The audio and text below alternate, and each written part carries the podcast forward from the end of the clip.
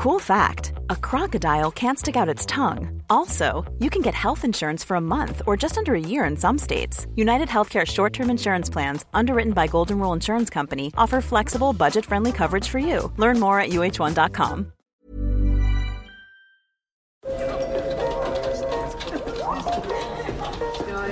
Dette er lyden av norsk næringsliv. Akkurat nå tas det små og store valg som kan bli avgjørende for fremtiden. Med økonomisystemet X-Leger tas disse beslutningene basert på informasjon i sanntid, slik at drømmer og ambisjoner kan bli virkelighet. Få kontroll og oversikt. Gå inn på xledger.no. Denne sendingen er sponset av Xleger.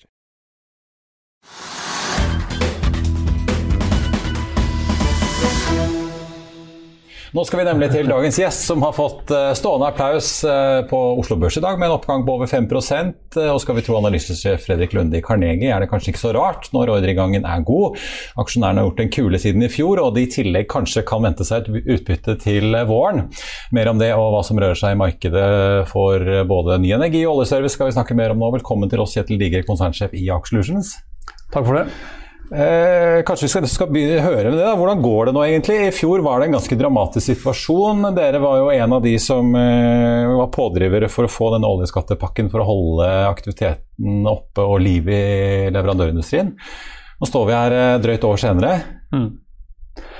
Nei, altså det, det, var et utrolig spesielt år. Det, det, var det for alle. Eh, for oss så var det jo både vanskelig første halvdel, eh, mye, mye tvil om, om, hvor dette skulle havne. Og så ble det en sommer hvor mange viktige ble, grep ble tatt. Vi, vi, lagde jo gjennom spin-offs noen flotte søsterselskap som skapte mye verdi. Og så sitter vi igjen da med et selskap med, som er summen av Kværner Solutions.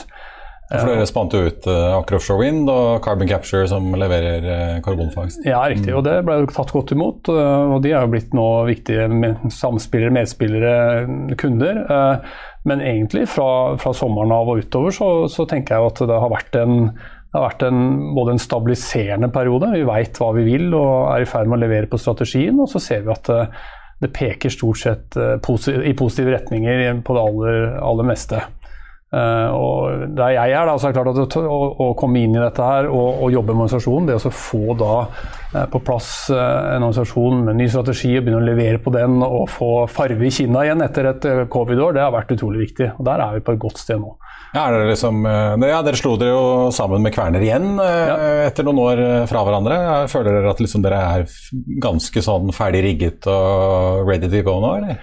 Ja, eller gjenstår det litt arbeid rundt omkring? Ja, det, det er jo noe som er utestående, men det er mer av praktisk art. Dette er jo to organisasjoner som har vært én før. og Man er jo veldig interessert i å, å, sette seg sammen, nettopp for man blir en mer sånn fullstendig eh, komplett leverandør av noe som eh, vi både er interessert i og som vi vet vi kan godt. Så, så det, er, det, er, litt sånn gamle venner og kjenninger som møtes sammen igjen. så det som er utestående, er veldig av praktisk art. Og jeg har begynt å levere ja. kjempebra sammen. Ja. ja, for dere måtte jo, eller dere kuttet jo 350 stillinger i år. Tok en del grep for å få ned kostnadene, men det er dere ferdig med nå?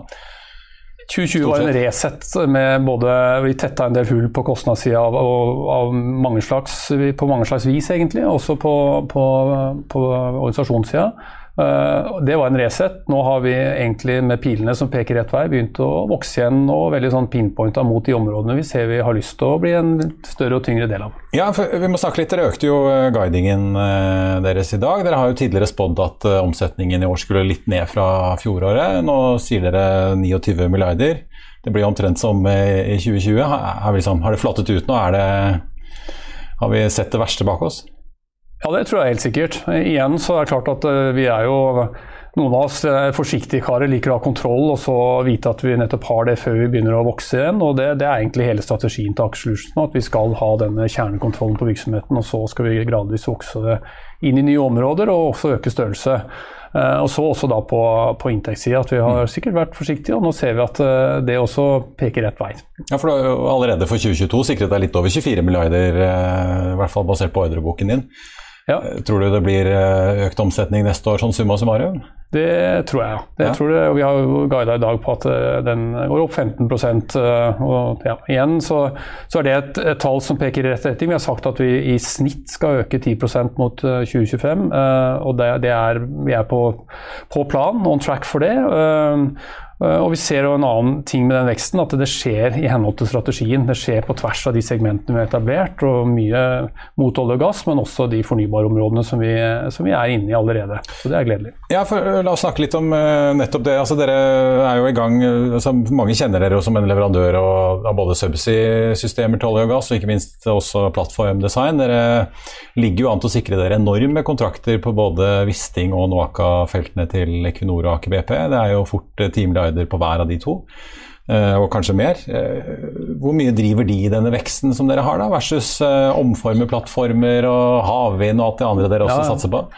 Altså Det der er jo kjernevirksomhet. så vi, vi er jo en gjeng med operatører, ingeniører og økonomer som, som på en måte leverer industriprosjekt. og da Mot olje og gass så er jo det, det er det vi kan, og vi er stolte av det vi kan gjøre der. Og er jo med på de mest komplekse oppgavene, ref det du, du, du nå sier. Men vi har jo sagt det at eh, innen 2025 så skal en tredjedel av inntektene våre komme fra fornybar og, og lavkarboninitiativ mot olje og gass.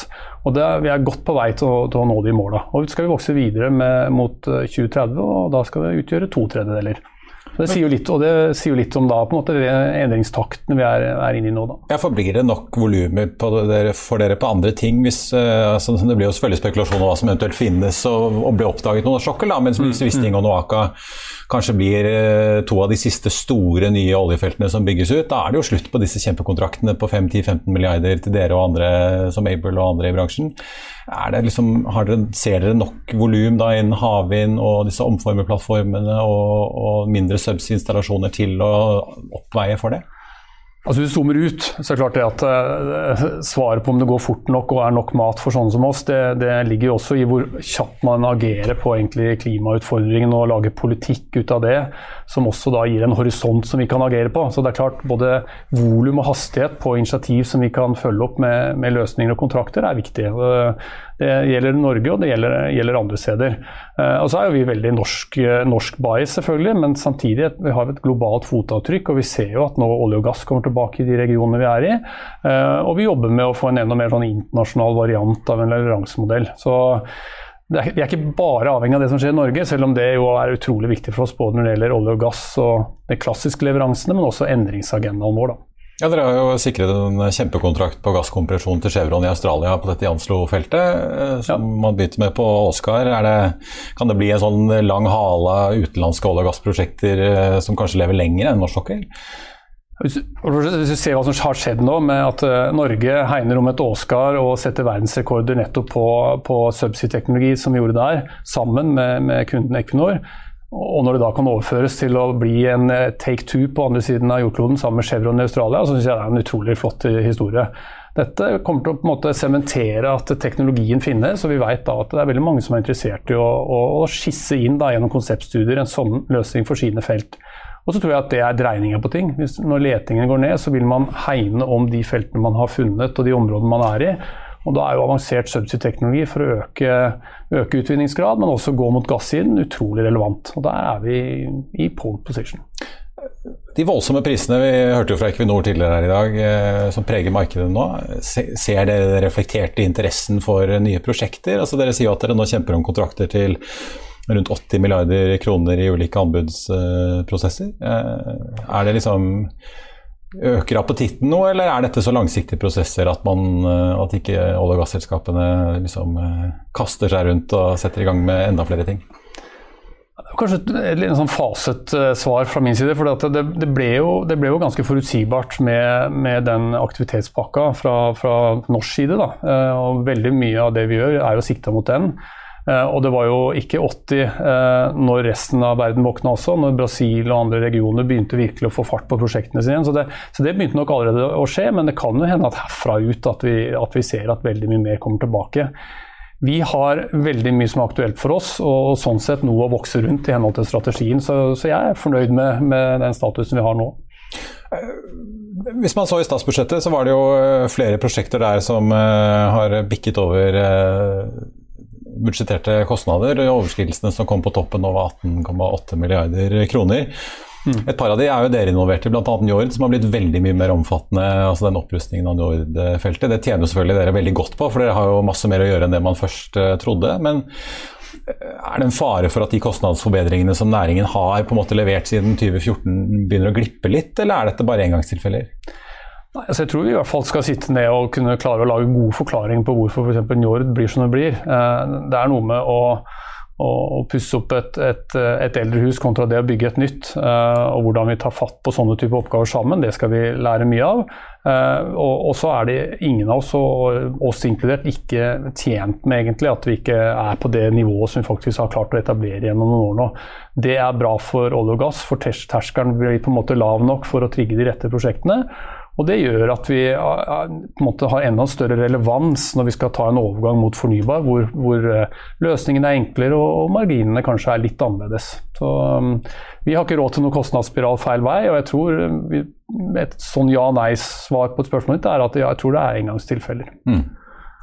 På fornybarfronten, dere er jo engasjert i både havvind, dere driver med karbonfangstanlegg for da, Aker Carbon Capture. Uh, dere holder på med omformerplattformer, også subsea-omformeranlegg. Mm.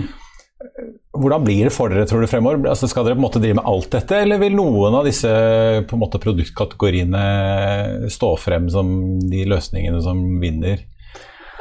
Nei, Det er kanskje henvisning til produkt som er litt spennende å starte med. for at Når du ser på hva som skjer i olje og gass, så er det utvikla veldig mye bra teknologi. Eh, selvfølgelig topside og det store og det vi ser, men innenfor subsea er, er jo Norge i front, og vi er en, en, leverandør som er med på det, med mange av de rette produktene. Havvind eh, starter på land og så kryper ut på, på, stranda og får litt sånn vann rundt beina. og da, da må du møte det med en litt annen teknologi som tåler det nye miljøet. Og havvind kryper jo enda lenger ut. Og med en gang det blir dypt nok og bølgene er store og ting må flyte, så er du egentlig der hvor olje og gass eh, Det har dere gjort før, som de heter? Ja. ja, da møter den verden egentlig havvind. Og da begynner subsea-teknologiløsninger å bli veldig veldig relevante. Så, og det, igjen, Jans nevnte du mange av komponentene fra et Jans. Hvis du dekomponerer det og setter inn i en, eh, en annen setting, så er det relevant for uh, nye havvindløsninger. Så vi ønsker å bygge på olje og gass og sørge for at det blir relevant for disse fornybare vertikalene som vi også jobber med.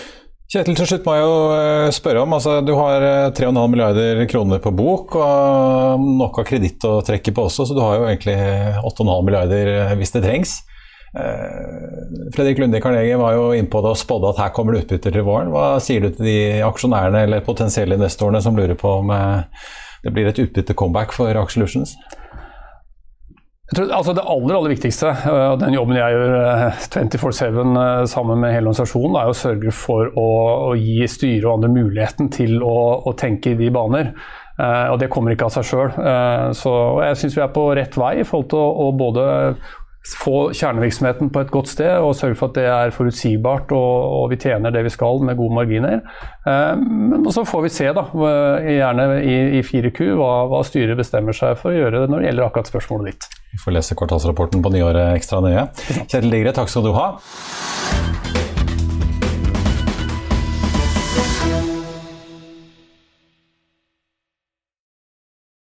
Denne sendingen er sponset av Xleger. Økonominyhetene er en podkast og videoproduksjon fra Finansavisen. Programleder er Marius Lorentzen. Aksjekommentator er Karl Johan Molnes. Produsent er Bashar Johar. Podkast- og videoansvarlig er Marius Mørk Larsen. Og ansvarlig redaktør er Trygve Hegnar.